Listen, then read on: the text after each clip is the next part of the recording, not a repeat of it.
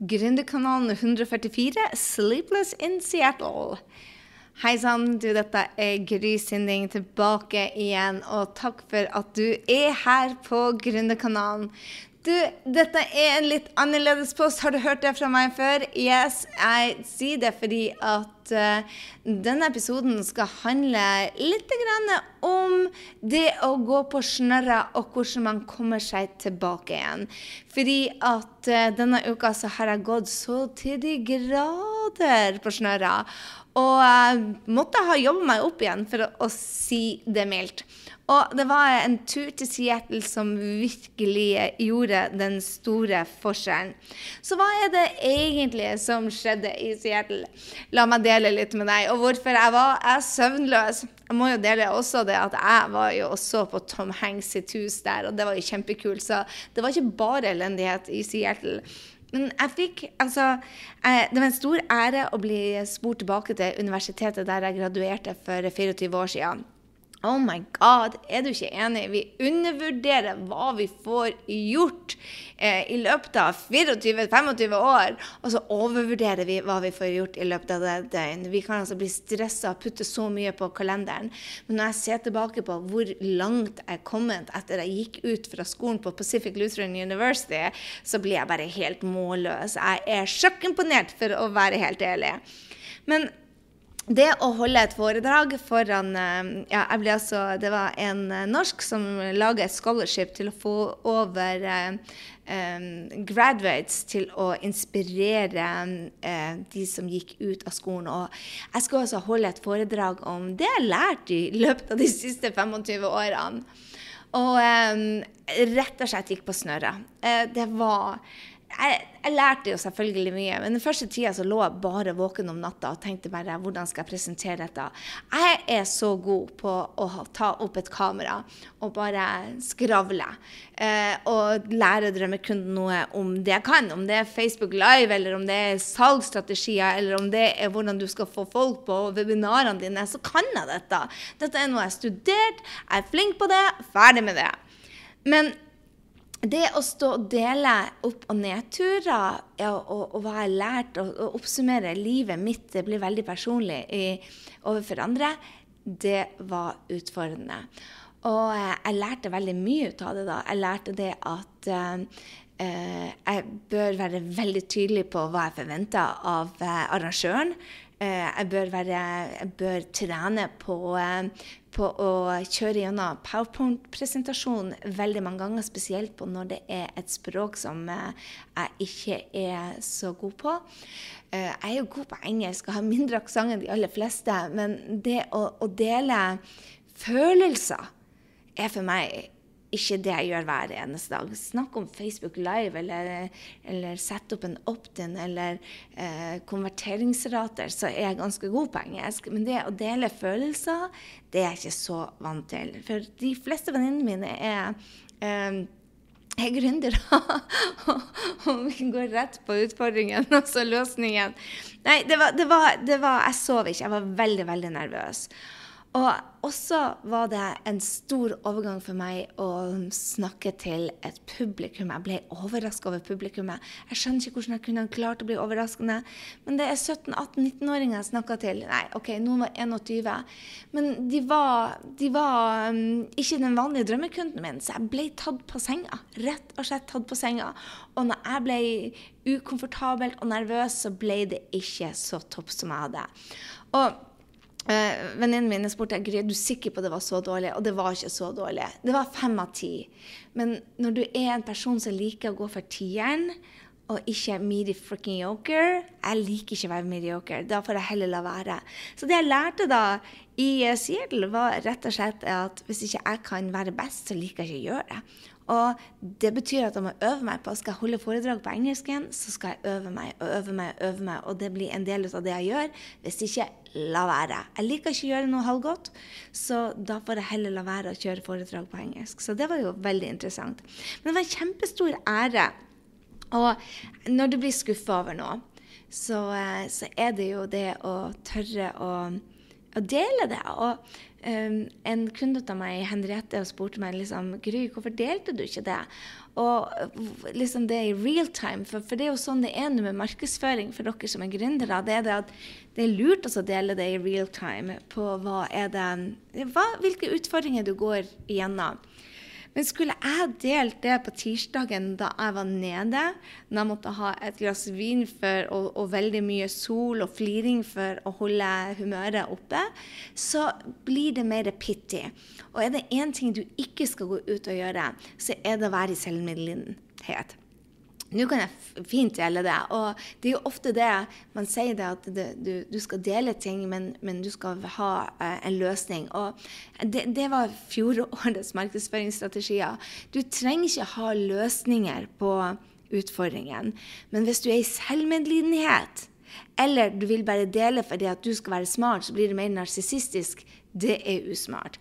Og når du går i selvmedlidenhet og skal selge noe etterpå, så ødelegger du for salget. fordi at folk vil tross alt ikke de kan ha medlidenhet med deg, og de kan synes du er kul, men når de skal ha løsninger på sine utfordringer, så vil de ha um, hjelp av noen som er ledere, og ikke verken narsissister eller de som syns synd på seg sjøl. Så det er en sånn hårfin balansegang som jeg lærte veldig mye ut av.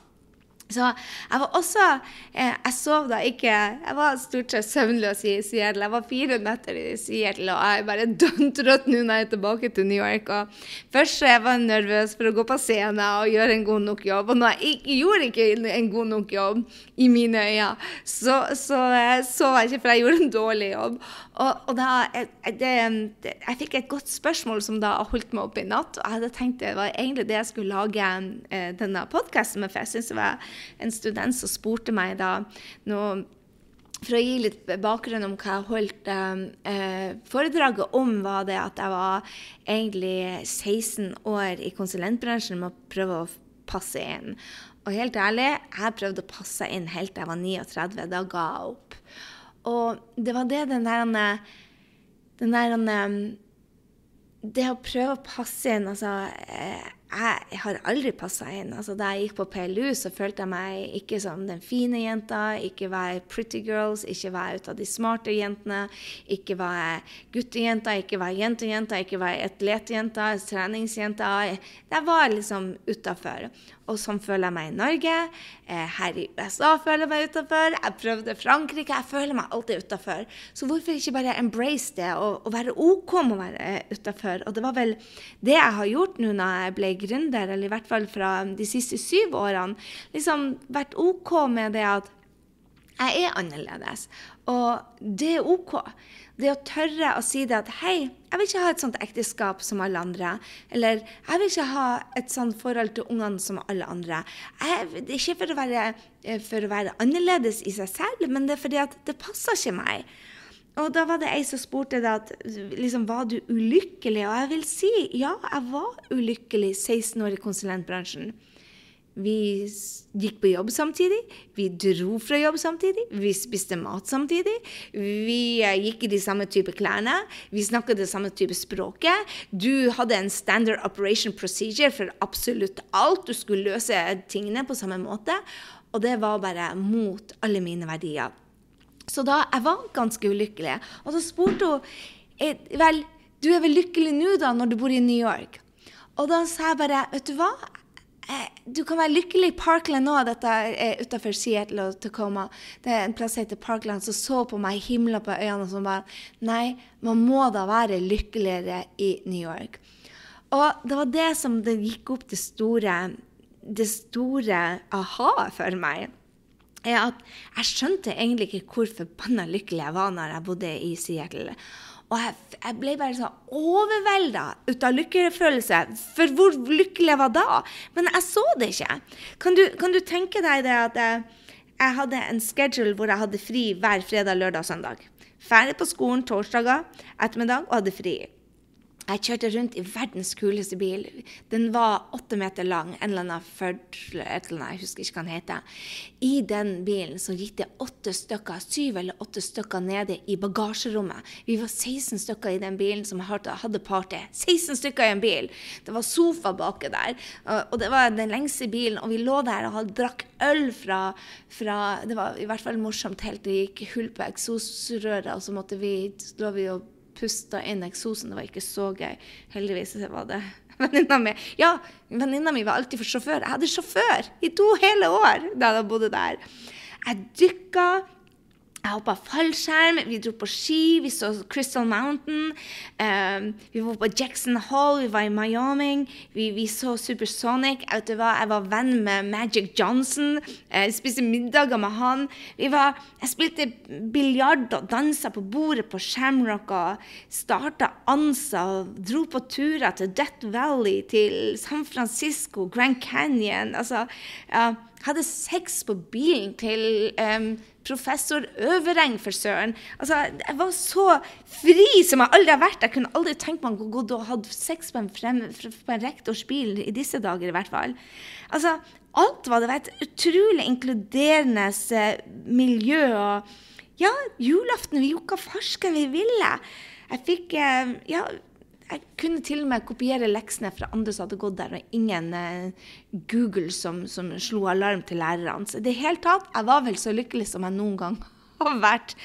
For tross alt New York, og, og tro meg riktig, jeg klager ikke. New York er det mest kule byen i verden. I mine øyne det fins ikke noe. Og jeg bor her. Men vet du hva? Du har regninger. Og mange tror det at å ha en baby på tre måneder er slitsomt, men prøv å ha to tenåringer, eller en på 22 og en på 17. Det er helt annen type utfordringer.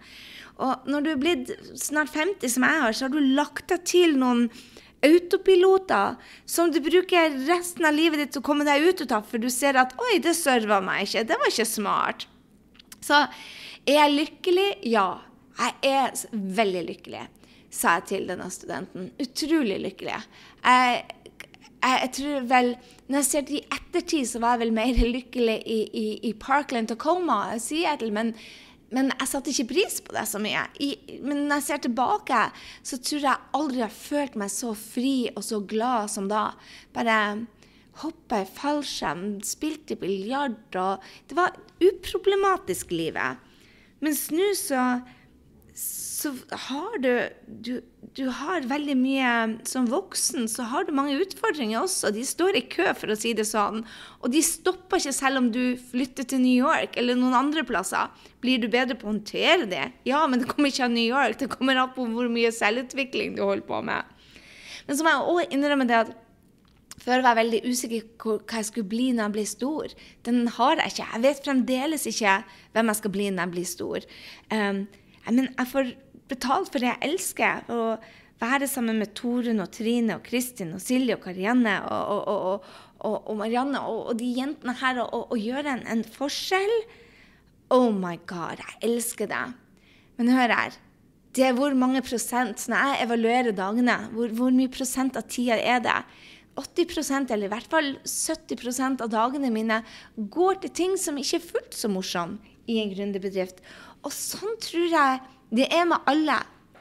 Jeg, jeg hadde en, en, en, samtale med meg sjøl. Si. Jeg hadde en kunde som hadde en utfordring. og um, Hun har små barn da. og Helt OK. Vi, vi, er OK med å si nei, nei, nei til ungene. For vi vet at det gjør dem til bedre unger. Vi vet det, vi tenker langsiktig hvilken person vi vil at den, de skal bli. Og sånn er det også med å Sånn er det også med å ha en bedrift eller et ekteskap, for den saks skyld.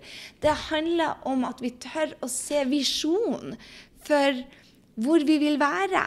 Sånn, jeg har ingen problemer med å si nei til ungene når jeg ser hvem jeg vil at de skal være som personer når de er 20, 21, 22, 23 år, og hvem jeg kan få lov til å forme dem til å bli. Og da skjønner de at jeg må si nei 20 30 40 000 ganger til jeg er så sur og gretten og har ikke lyst til mer. Men når det kommer til jobben vår, så særlig når vi skal ha drømmejobben, så, så, skal det bare være gøy. Men det handler ikke om det. Det handler ikke om det. Det handler om å gjøre de riktige tingene som tar oss til riktig plass. Og det betyr det å gjøre ting som ikke er fullt så morsomt. Men hvis man ikke connecter, hvis til drømmen, og vite f.eks. at denne podkasten, helt ærlig Den er overdue. Skulle ha vært gjort for lenge siden. Jeg ante ikke hva jeg skal snakke om. Og sannsynligvis så suger den i forhold til Kanskje du forventer deg at jeg skulle lage den trening på Instagram som jeg skal gjøre etterpå. Men, men du, du, fortjener, du, fortjener det beste, ikke sant? Og jeg vil at når du er på Gründerkanalen, så skal du få det beste. Og i dag så hadde jeg bare dette på hjertet. At vi må det er OK å gå på trynet. Jeg gikk så på trynet på mandagen at du aner ikke. Jeg leverte ikke en bra tale.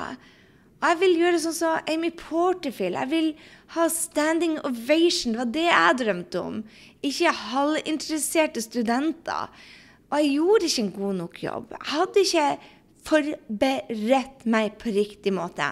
Og det skjedde en ting som um, på, på, på ledelsessida der som satte meg ut av spill. Men hadde jeg gjort dette 10-20-30 ganger, så ville jeg aldri latt det påvirke talen min. Mens nå hadde jeg ikke øvd meg nok mange ganger foran publikum. Og da lot det sette meg i spill. Så det var ikke deres feil. Det er jeg som ikke var trena mer på det. Så, så det å se det at, at du gjør ting i businessen din, eller i livet generelt, som gjør det at um, snakka meg litt bort. Som gjør rett og slett det at det er ikke lykke alt. Denne studenten spurte er jeg lykkelig. Ja, jeg er blitt mye, mye flinkere til å se de små lykkeøyeblikkene.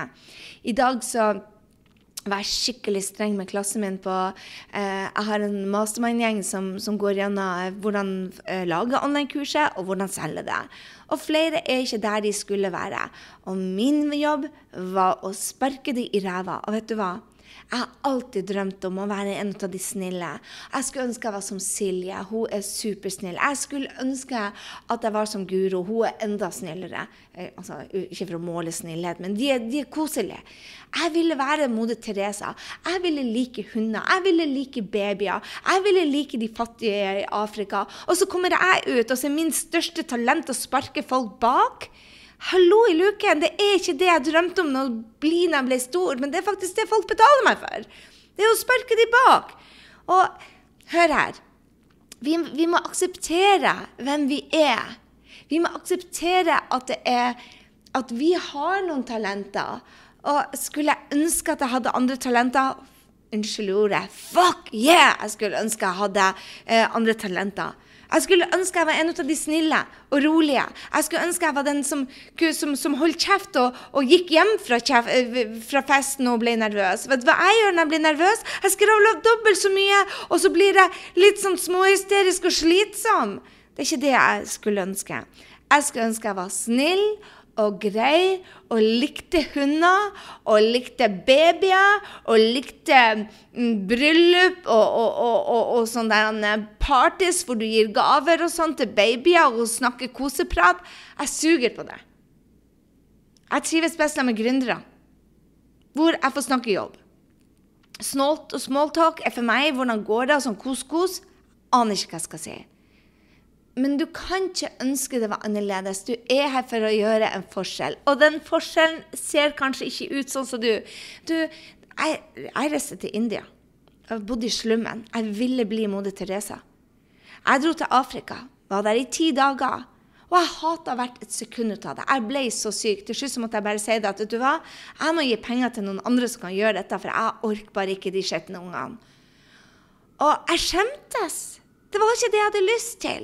Jeg vil være moder Teresa til hun hadde bilde ut av. Men jeg er ikke det. Og det å huske det, hvem du er, hva du er god på, og heller bli steingod på det. Og så kan jeg hjelpe Guro og Silje til å gå ut der og gjøre en forskjell for deres drømmekunder, som liker hunder og hester og alt det der jeg skulle ønske jeg likte. Men jeg får utslett ut av det både det ene og det andre, så må jeg jo innse at det ikke er det jeg er her for å gjøre. Så min måte å gjøre ringvirkninger og gjøre verden bedre, er ikke å gå og plukke opp hundedritt eller lage um, handlenett av T-skjorte eller gjøre Hudson River cleanere. Ligge og grave i bed og gjøre det fint rundt parken. Min jobb er heller å donere penger sånn at andre kan gjøre det.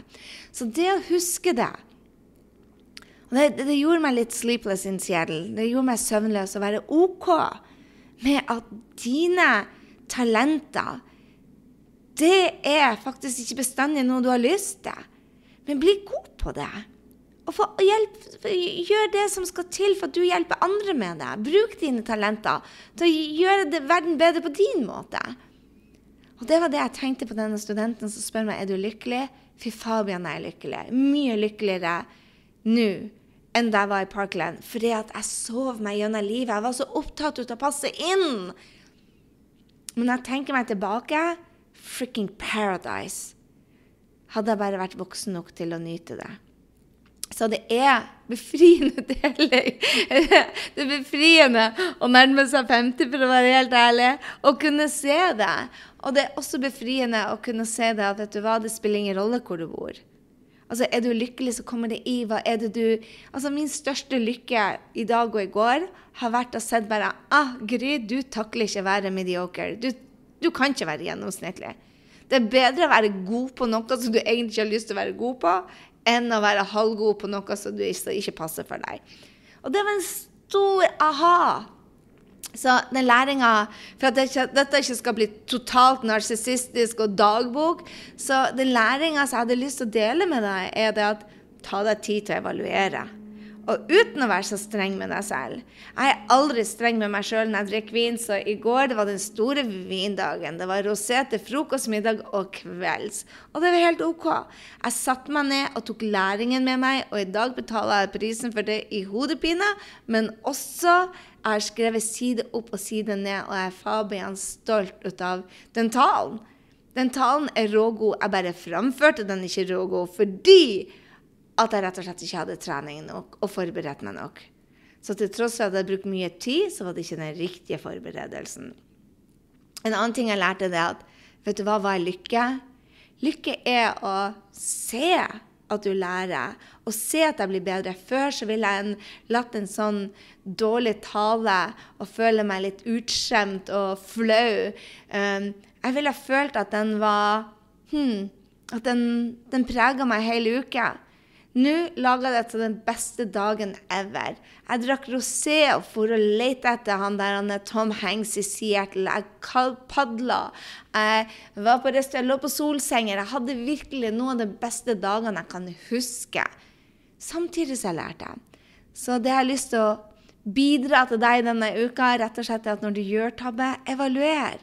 Og gjør sånn som Brenn Bushard lærte meg. Ikke se på hvor du sugde. For det var ikke det jeg gjorde i evalueringa mi. Jeg spurte meg selv hvordan kunne jeg ha lykkes med dette isteden. Og det var da jeg kom opp med vet du hva?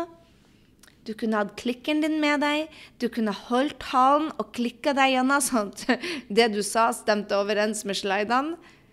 Du kunne ha booka fire-fem podkaster på engelsk hvor du snakker om akkurat dette.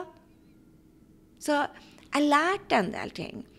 Og jeg sa bare hvor kunne jeg bli bedre, og så bestemme meg for å gjøre det eller ikke gjøre det igjen. Og det er jo òg en ting, ærlig sak. Har jeg lyst til å holde tale på engelsk? Bidrar det til at jeg har det bedre? Mm. Bidrar det til businessen? Bidrar det til noen mennesker? Og hvis det gjør det, gjør mer ut av det. Så kjære venn, ikke når du går på snørra. Så når du gjør det, som jeg vet du og vil, så husk å ikke si at du suger. Det er ikke du som suger, det er kanskje forberedelsene som suger. Kanskje de omstendighetene. En av de tingene jeg skulle ønske jeg hadde klart å gjort, var å sove bedre. Hadde bare huska å ta restauraten med meg, men denne jenta klarte å glemme doble forsyninger. Og jeg trenger det når jeg skal sove. Så Sleepless in Seattle ble jeg, men jeg tror sjelden jeg har lært så mye på de tre dagene. Så jeg er lykkelig over det. Så til denne unge jenta som spurte meg det gode spørsmålet som jeg ble liggende våken og tenke på Er du lykkelig nå? Vet du hva? Livet er 100 ganger mer utfordrende enn det var da. 100 ganger mer. Gud, det var som en lek. Alt jeg gjorde, var å leke. Jeg gjorde ikke engang leksene mine ordentlig. Jeg fikk noen andre til å gjøre det. Eh, jeg leka meg gjennom det studiet. Og nå leker jeg ikke lenger. Det er tøffere nå. Men jeg setter pris på øyeblikkene på en helt mulig måte. En annen måte. Og det er det jeg tror det lykke er. Å tørre å se seg sjøl i speilet. Og en av de tingene som gikk igjen og igjen og igjen hos meg, og så går igjen på kurset som jeg holder på å gjøre nå, det er Masemann-gjengen, hvor jeg hjelper de å lage nettkurs, og, og ikke minst at de får solgt de. Og ei som spurte bare å, det er så utfordrende å lage nettkurs. Jeg bare nei, det er den enkle delen. Det er hundrendedel av det vi gjør. Det å selge det er utfordrende. Så det er det vi jobber med nå, og hvordan du får solgt det. Så eh, jeg tenkte da på det at eh, Hvordan jeg det inn her i dag? Jo, det, det handler om å, å, å, å, se de små lykkeøyeblikkene. Når jeg kjefter på det i dag, så tenkte jeg, vet du hva Du gjør det ikke fordi at du henger over eller har lyst til å banke noen, det er rett og slett fordi du har lyst til å hjelpe dem. Og eh, av og til så gjør du det gjennom kjefting. Så det er ikke sikkert du heller liker ditt talent, men kanskje det er å sparke noen bak. Kanskje det er som hos Silje, være øm og snill og god og empatisk. Denne jenta ja, Det er veldig lite Mone Teresa i meg. Sorry. Men ei det, bruk det, brande det, og da er det Kan du til og med lage kurs på det. Jeg håper du hadde utbytte ut av denne ukas eh, podkast også denne gangen.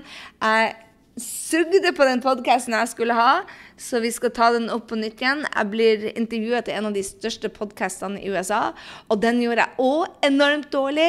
Så jeg sendte henne en mail og så spurte jeg, hei, kan jeg få en redo. Og hun sa det, nei, den var god nok. Og så viste det seg det at fila var krepert, så jeg sendte ut der ute tanker om at please, la meg få redo den. Jeg trenger å øve meg. Så nå får jeg en second shot. Jeg gleder meg så til å dele den med deg, for den blir mye bedre nå når jeg har fått drete på draget oppe i Seattle og gjort det elendig. I hvert fall midi fuckyoker. Og nå skal jeg gjøre det kjempebra, for jeg har fått en sjanse til til å øve. Og det er det som er lykke. Drite på draget, komme seg opp igjen og føle mestring. Helt ærlig, jeg mener det av hjertet. Det er nedturene som gjør oss lykkelige. Det er ikke suksessen. Det er nedturen som gjør oss lykkelige. Det er nedturene som gjør, gir oss suksess. Vi har fått det helt, helt omvendt. Liksom sånn Happiness lead to success, eller uh, success lead to happiness. Og bare bullshit! Det er det ikke. Det er nedturene, at vi håndterer de, at vi mestrer de, at vi lærer ut av de. Det er det som gjør oss suksessfulle. Det er det også som gjør oss happy. Så jeg er lykkelig at jeg å få lov til å drite på draget opp i uh, Seattle. Og så håper jeg det at du tåler alle de bannskapsordene, for jeg hadde ingen manus i dag. Jeg bare snakka rett ifra hjertet.